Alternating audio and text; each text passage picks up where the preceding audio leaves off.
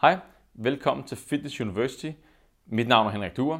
Jeg er træningsfysiolog, kendt skændt i idræt og kemi. I dette foredrag vil jeg fortælle om væske og kulhydrater før og under træning. Hvad skal man gøre, hvis man vil undgå at gå sukkerkold, og ikke mindst undgå at dehydrere? Nu er det desværre ikke sådan, at man bare kan drikke løs af vand og tro, at man så er, er i sikkerhed. Faktisk kan en for stor vandindtagelse, væskeindtagelse, være direkte livstruende. Saltkoncentrationen i kroppen bliver simpelthen for lave, og det er for farligt. Og med hensyn til kulhydraterne, jamen, man kan heller ikke bare spise løs og drikke løs af kulhydraterne. En for høj kulhydratkoncentration i, i væsken, jamen det kan give maveproblemer, og ikke mindst, så kan det hæmme væskeoptagelsen, og dermed øge risikoen for at dehydrere. Hvorfor er kulhydraterne så vigtige?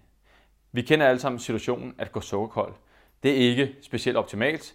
Vi bliver dårlige, vi mister koncentrationsbesvær, vi får koncentrationsbesvær, og ikke mindst, så falder vores præstationsevne.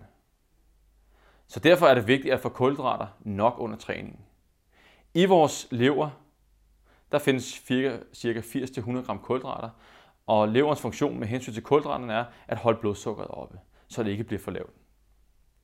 Lad os prøve at se på en undersøgelse her. Heroppe til venstre, der er en figur, og øh, den er taget fra nogen, der hedder Christensen og Hansen tilbage fra 1939. Inden for mit felt, der er det her en klassiker. Her har man taget nogle forsøgspersoner og lavet dem køre med 70% af deres maksimale ildoptagelse. Og så har man kigget på blodsukkerkoncentrationen og hvornår de stoppede. Og som man kan se, et stykke efter de 120 minutter, så falder performance, og de bliver nødt til at stoppe.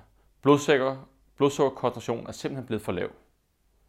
Det man så gør, det er, at man giver dem nogle kulhydrater i en drik,